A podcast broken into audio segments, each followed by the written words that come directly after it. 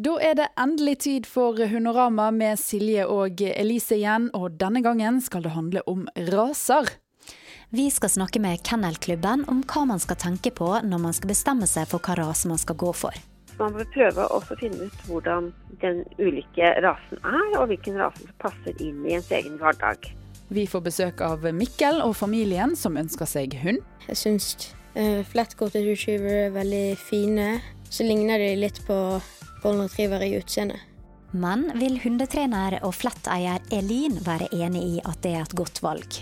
Generelt så er jo fletten en relativt krevende hund. Det er ikke nødvendigvis den hunden man skal starte med som førstegangshund. Nei, igjen. Og så får vi besøk av panelet som bl.a. skal diskutere brukshunder. Jeg har jo en beagle som er en jakthund, og burde blitt brukt til jakt, som ikke blir brukt til det i det hele tatt. Jeg syns at uh, hunderaser bør brukes i iallfall i tilsvarende aktiviteter som det de er meint til. Vi får som alltid besøk av veterinæren, og denne gangen så skal det handle om noe trist, nemlig avlivning. Det er en veldig human og fredelig måte å gjøre det på, egentlig. Det er ikke noe som er smertefullt for hunden.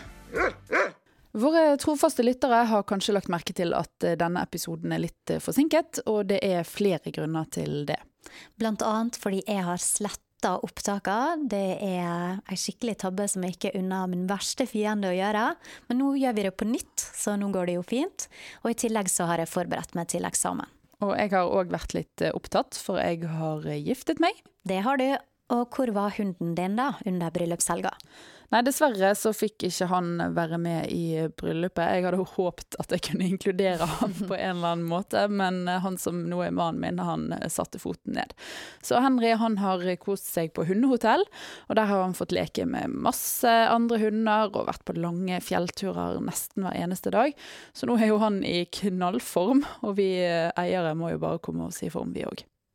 Men nå må vi komme i gang med dagens tema, altså raser. Det finnes over 400 ulike hunderaser, og alle disse har forskjellige egenskaper. Noen er avlet fram for hjorte- eller rottejakt, noen for sauegjeting eller for å trekke under kalde temperaturer, mens andre er rene selskapshunder. Det er et hav av raser å velge mellom, og hvis man er lur, så tenker man jo nøye gjennom hva man skal bruke hunden til, og velger rase deretter. For femte år på rad så er border collie den mest populære hunderasen i Norge. Og det er jo egentlig litt merkelig, fordi at det er en krevende hunderase som må bli stimulert eh, mentalt for å fungere godt i hverdagen. Men du Silje, du har jo en vippet, og det er jo en liten mynde som opprinnelig ble avlet fram som veddeløpshund. Og hvordan i alle dager kom du fram til at du ville ha denne rasen? Jeg er ikke interessert i veddeløp, i hvert fall. men ja, Vippet var opprinnelig en løpshund for fattigfolk i England som ikke hadde råd til greyhound. Men vi, vi eh, valgte Vippet fordi vi hadde lest mye om den, blant annet at den har så fint lynne. Hunden min den bjeffer nesten aldri, eh, og den er rolig inne. Men den kan være en propell ute, og den er kjent som å være en god sånn førstegangshund. Vi pleier å la henne få springe fritt i skogen der vi bor, sånn at hun får tatt seg ut, for hun er avhengig av å springe. Eh, det er jo det hun er avla fram til, eh, men det passer egentlig til vår aktive livsstil. En negativ ting er at hun fryser mye, og hun liker ikke regn. Men heldigvis er ikke det så mye arbeid med henne, da. Hun har en pels som har nesten som et sånt teflonlag, slik at skiten bare preller av. Så hun dusjer vi kanskje sånn type fire ganger i året. Jeg kjenner at, eh, at, jeg er nesten litt misunnelig på deg nå. For vi har jo en Welsh springer spaniel, og det er en rase som krever en del eh, børsting og pelsstell. Iallfall hvis man vil følge rasestandarden med tanke på eh, klipp. Men det er jo selvfølgelig mulig å klippe de korte. Men jeg personlig syns jo likevel at pelsen er noe av det aller fineste med denne rasen. Og de er òg veldig sosiale og kule hunder som kan brukes til det aller meste. De er aktive, og Henry er i hvert fall veldig vanskelig å tømme for eh, energi. Han er liksom lett med på langtur i fjellet, og så digger han agility, men han er òg en utmerket spor- og søkshund. Og til alle som eh, fikk kjempelyst på en welsh nå, så må jeg jo advare litt òg. For de krever en del mosjon og stimulans, og det er òg veldig viktig å begynne tidlig med oppdragelse.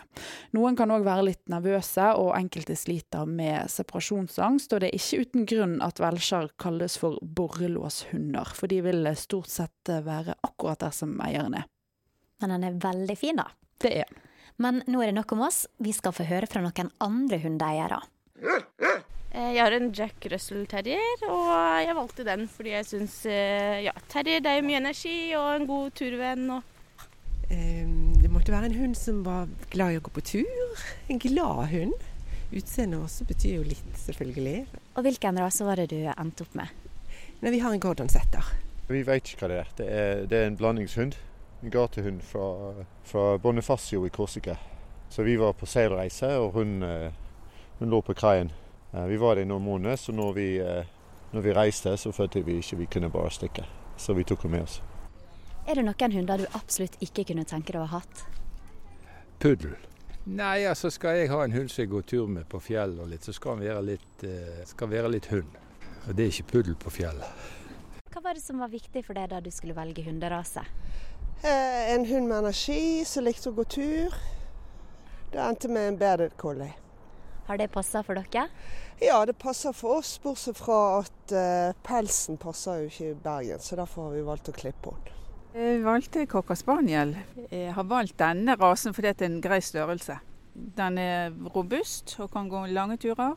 Og den kan være en liten kosehund. Jeg har en Siberian husky, og jeg valgte denne rasen fordi jeg, de er gøy og morsomme, og de er aktive og de liker å finne på ting hele tiden. Nei, vi har en blanding mellom forster og weimaraner. Men er det noen raser du absolutt ikke kunne tenke deg å ha? Nei, egentlig ikke, men jeg liker ikke små hunder. Nei, altså Erfaringen er det at veldig ofte så er de vanskelig å være med å gjøre. Og til å si oppfører seg rart og bjeffete. og Eierne tror at det er de små hundene det er noe i veien med. Det er gjerne ikke hundene.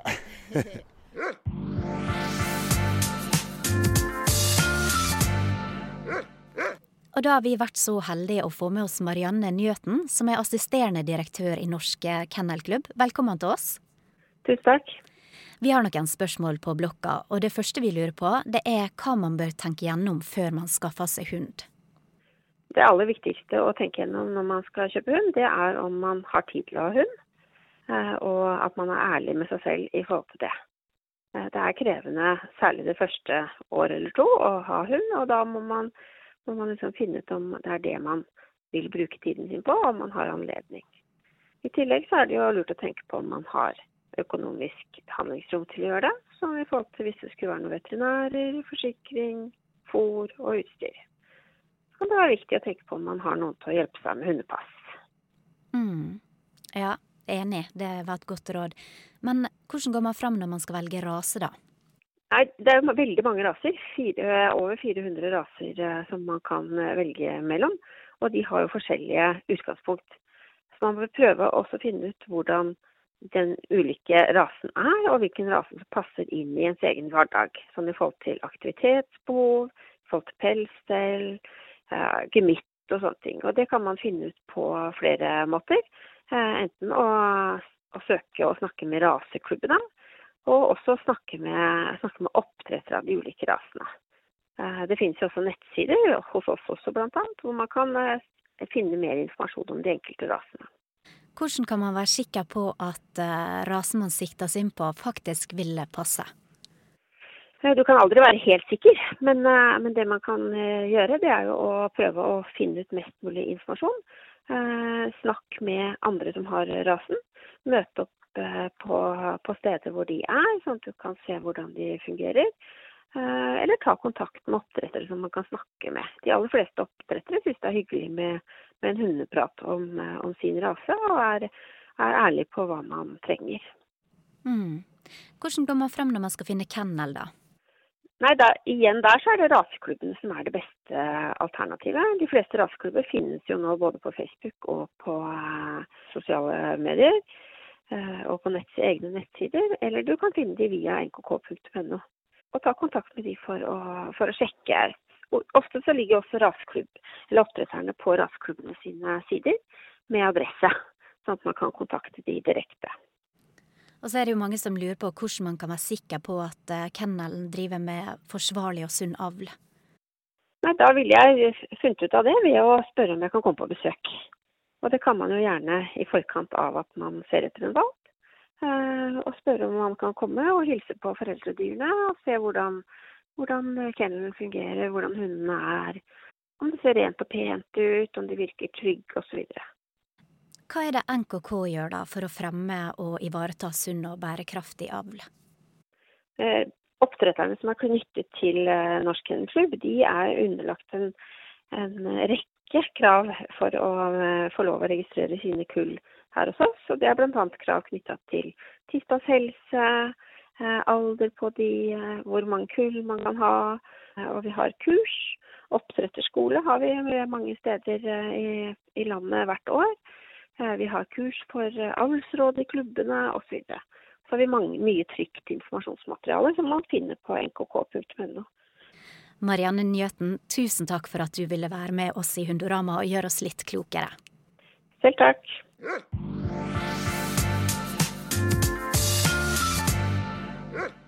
Det er ikke bare bare å bestemme seg for å få hund. Det er veldig mye man må sette seg inn i, og det er mange ting man må tenke gjennom før man tar avgjørelsen.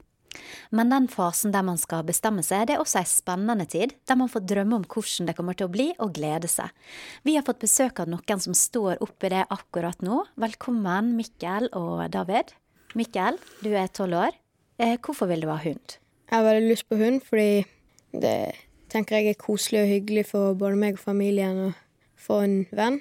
Og du da, David. Hvorfor eh, vil dere gå til anskaffelse av hund nå? Jeg har jo alltid sett at det er en veldig fin ting med hund. Eh, med hund så følger det oss mye jobbing, og det er vel kanskje jeg som har holdt mest igjen. Eh, både min kone og Mikkel har vært veldig pådrivere for hund. Også minstemann Kasper har vel også lyst på hund, så da er det vel bare å føye seg for flertallet. Jeg har jo veldig lyst på hund, jeg òg, altså. Eh, jeg tror det er en veldig fin tilvekst i familien, og en sånn mentalhygiene, en treningsvenn og en som er der når du er litt trist og lei, eller ja, absolutt eh, en til i flokken. Hva tenker dere at dere vil gjøre med hunden, da? Jeg har veldig lyst til å gå på joggetur med hunden og trene den opp til å bli en fin hund som er flink på å gjøre triks og sånn. Er det noen spesielle triks du har lyst til å lære henne? Jeg har litt lyst til å lære den å spille død. Ja, det er kult triks. Har ikke tenkt på noen spesielle raser? Ja, det startet jo med et ønske fra Mikkel om en golden retriever, og det var golden retriever uh, all the way. Og syns jeg kanskje den er litt sånn Jamaica-man, og at vi er kanskje enda litt mer fremoverlente. Og at jeg ser på den en flat-coated retriever som en litt mer aktiv, litt mer uh, på hund da, enn golden retriever kanskje er. Det krever jo selvfølgelig at vi må legge inn innsatsen og gå mye turer og trene den mye, men det tror jeg er en ganske kjekk utfordring. Så det er vel det vi er på, at vi skal ha en flat-coated retriever. Og det er greit for deg òg, eh, Mikkel, selv om du egentlig ville ha en eh, golden? Det går helt fint for meg, fordi jeg syns uh, flat-coated retriever er veldig fine. Så ligner de litt på golden retriever i utseende. Det gjør de, absolutt. Og vi har jo òg eh, fått besøk her av eh, Eline Søbstad, instruktør hos eh, Kanis og atferdskonsulent. Velkommen til oss. Takk for det. Og du har jo flett. Jeg har flett. og hva tenker du når du hører det disse her to forteller om eh, hvilken hund de vil ha? Generelt så er jo fletten en relativt krevende hund. Det er ikke nødvendigvis den hunden man skal starte med som førstegangshund. Nei, én. Eh, nå har jo jeg vært så heldig at jeg har fått prate litt med, litt med, disse før eh, vi kom inn her i studio. Sånn at jeg vet jo allerede at familien har forberedt seg veldig godt. De er aktive, de har masse planer for hva de har lyst til å gjøre med, med denne fletten sin. Og det syns jeg lover utrolig bra. Så for meg, sånn som familien har snakket om alt de har planlagt, og hvordan de har planlagt at de skal hente valpen, og hvor tid de skal hente valpen, og hva de skal gjøre av aktiviteter i framtiden og alt, så høres det ut som et drømmehjem for en flettvalp for meg. Hva er det som er fine aktiviteter å gjøre sammen med en flett? Det som er veldig ok med fletten, det er at det er en veldig allsidig hunderase. Den er veldig på, som eh, David kommenterte her i sted. Eh, den er også veldig aktiv, eh, sånn at man kan i grunnen presentere den for de meste aktiviteter, og han vil si 'yes, let's go'. Så er det klart at en ung valp er det litt vanskelig å få gjort masse aktiviteter med, for han skal jo vokse også, og så videre. Sånn, kroppen skal klare å sette seg, skjelettet skal feste seg, og så videre. Ingen harde belastninger for tidlig, og alt det her. Men av aktiviteter så er det hva har du lyst til å gjøre? Personlig så driver jeg mye med brukshundtrening, altså rundering, søk etter mennesker i terreng. Jeg driver mye med spor, spesialsøk, eh, snørekjøring på vinteren.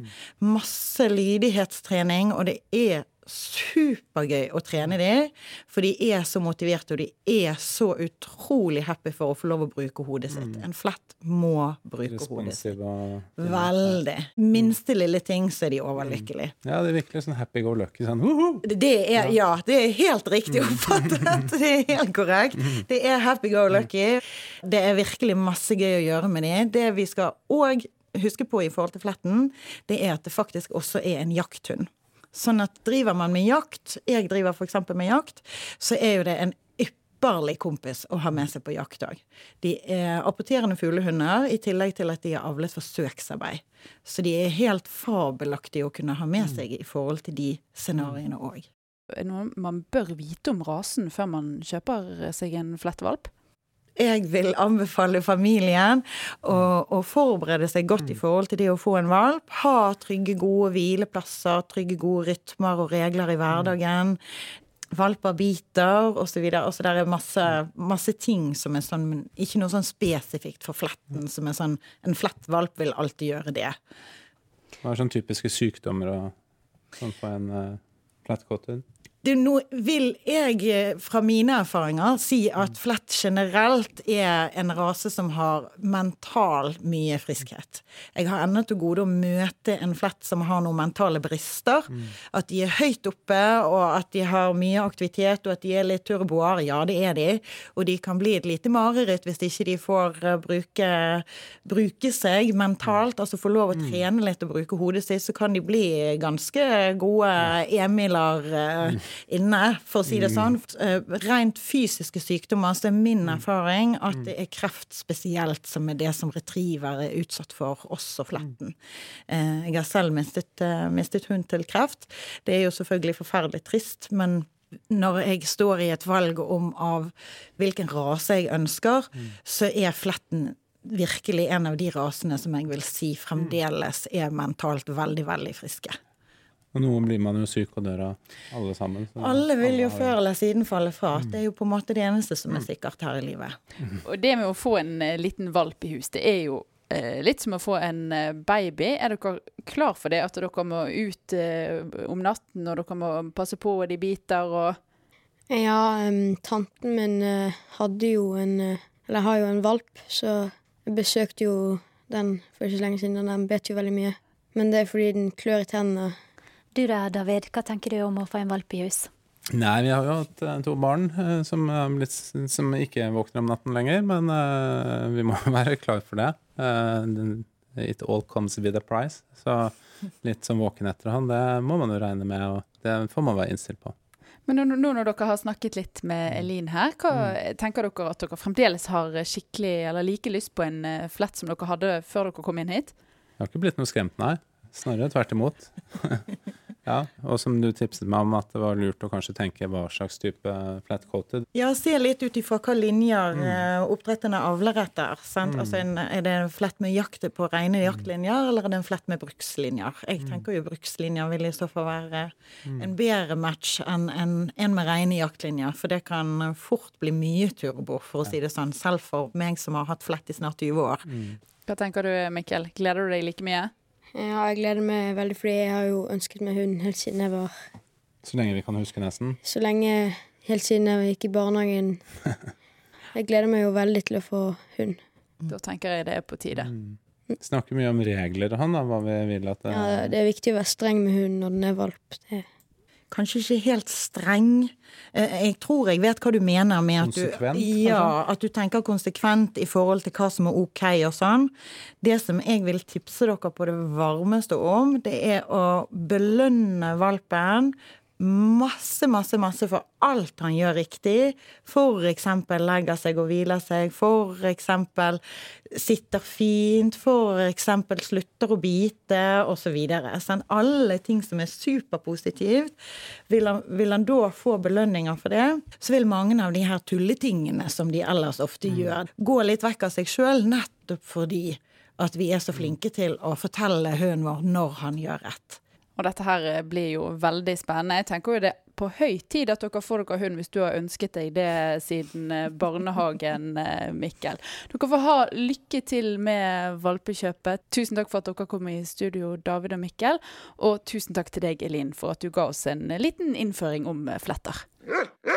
Da er det tid for å komme med noen tips og triks. Det er ikke det at vi er nødvendigvis noen eksperter, men vi liker jo å følge litt Eh, med og plukke opp tips bl.a.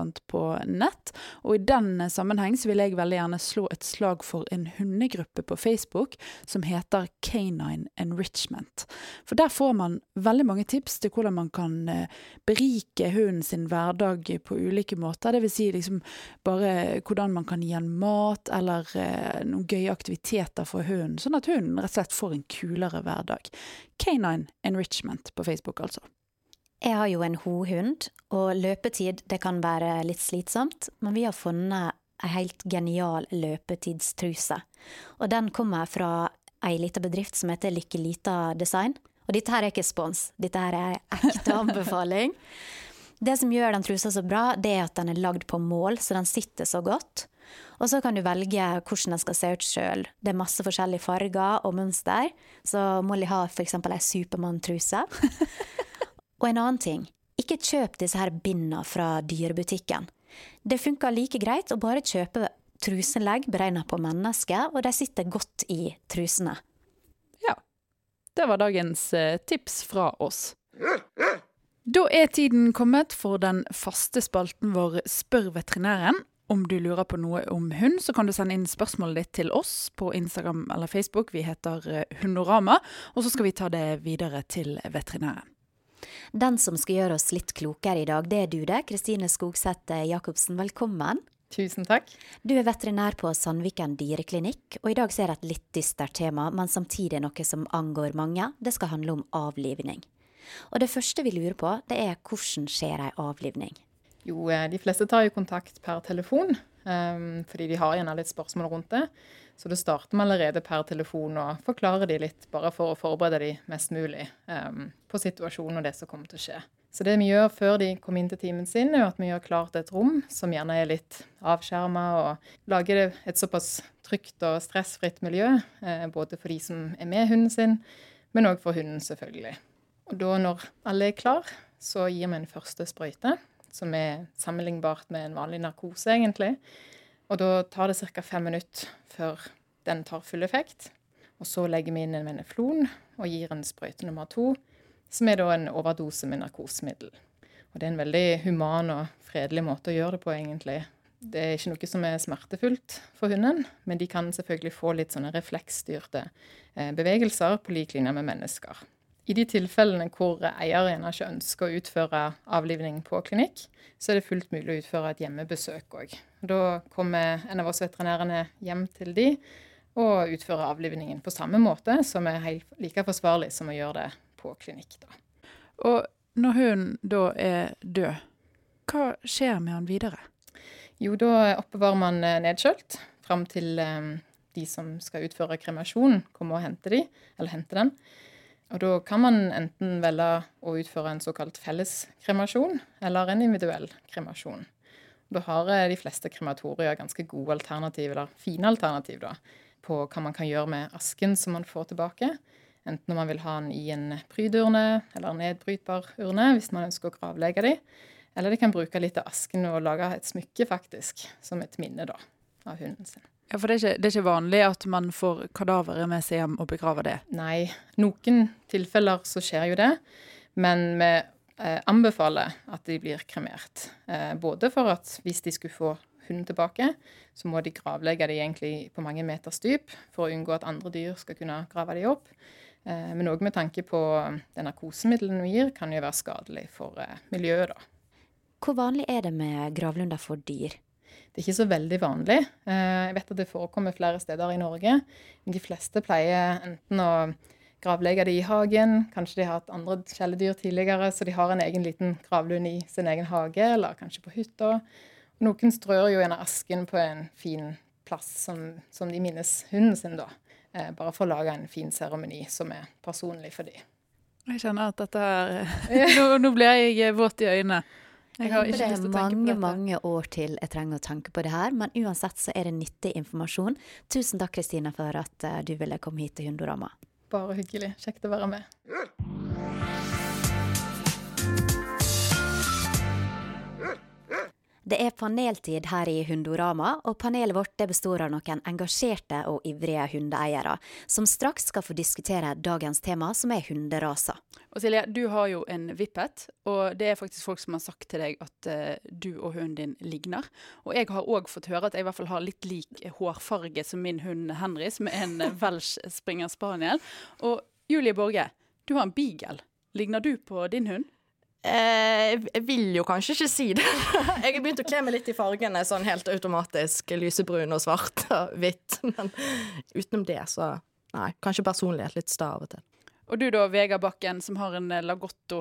Altså, jeg vet ikke, man, man, gjør, man etterligner jo sikkert de man er med, sånn psykologisk sett, de man er med masse. Så jeg tror nok det at det, om ikke man velger en hund som ligner deg, så tror jeg man fort kan eh, bli litt som hunden, ja. Det tror jeg.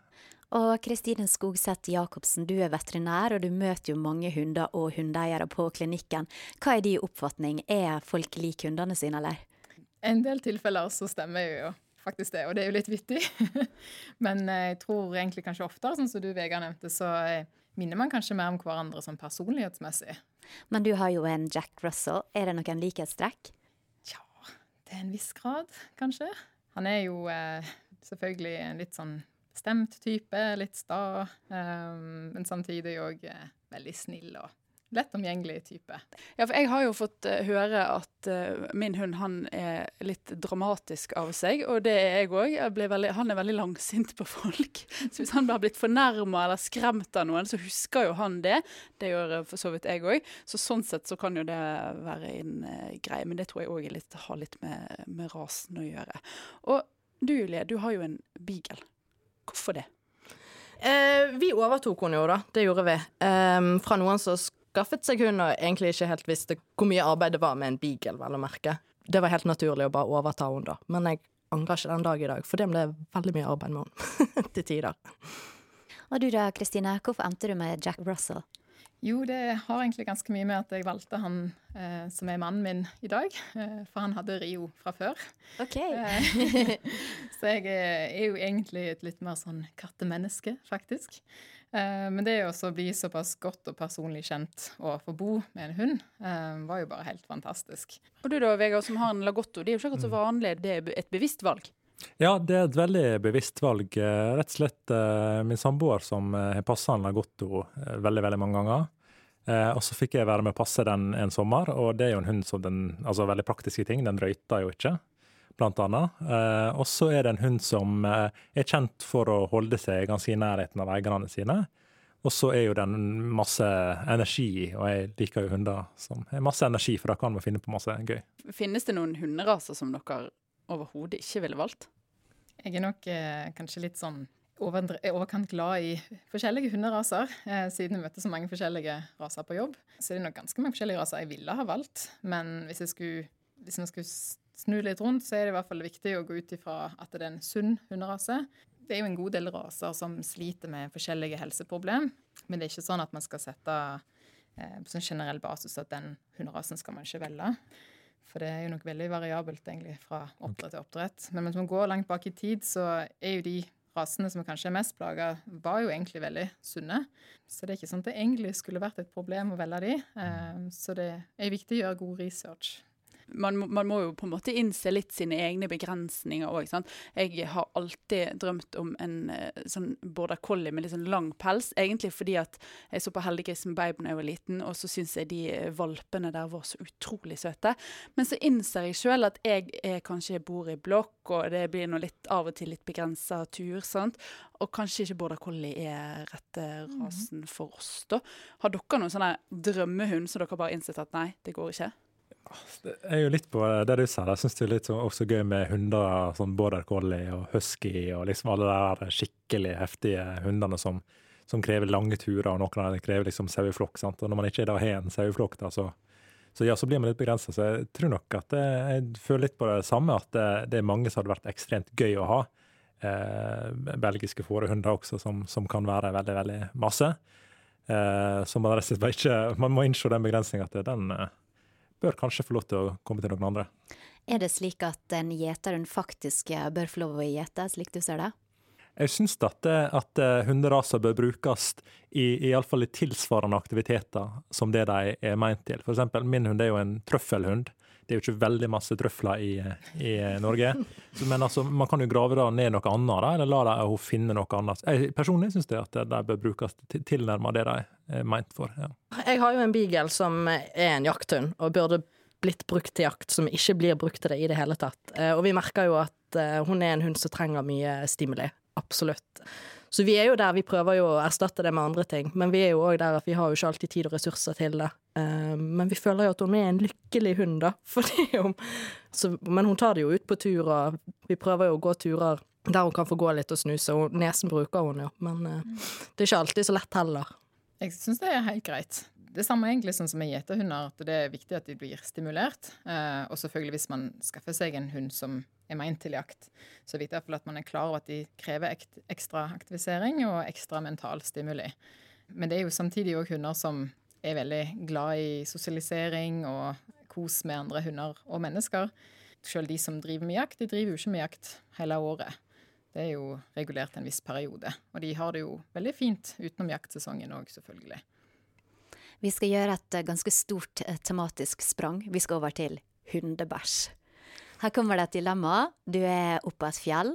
Du er helt alene, det er ingen som ser deg der. Hunden din bæsjer midt på stien. Hva gjør du da? Er sikkert eh, mest sannsynlig å te det med en stein og så setter det ut av stien. Mm. Jeg eh, ville tatt oppi en pose og kasta i søpla. Ja, på fjellet har ikke Altså, jeg har jo kanskje med meg en uh, pose, men jeg pleier ikke å plukke på fjellet, altså. Da passer jeg på at det ikke ligger der vi går, og så jeg har jo sett flere som har med seg poser og henger de opp. Det er jo noe av det mest frustrerende som skjer ja. på tur. Ja. Så nei, heller spenn det ut eller ta en stein og dytte, tenker jeg. Mm. Eh, for jeg går ikke og bærer med meg en pose på fjellet med dritt. Jeg er på linje med det. Jeg mm. sparker ut av stien eller eh, tar en kjepp og bare mm. får det til å fyke av gårde. Men hvis vi er i sentrumsnære områder, så tar jeg det selvfølgelig. Ja. Og det er det ikke mange som gjør. Jeg skulle gå på fjellet her eh, for to uker siden, og da må jeg gå et stykke for å komme til fjellet i et eh, bebodd område. Så må jeg gå et stykke når jeg kom ned igjen fra fjellet i et annet bebodd område.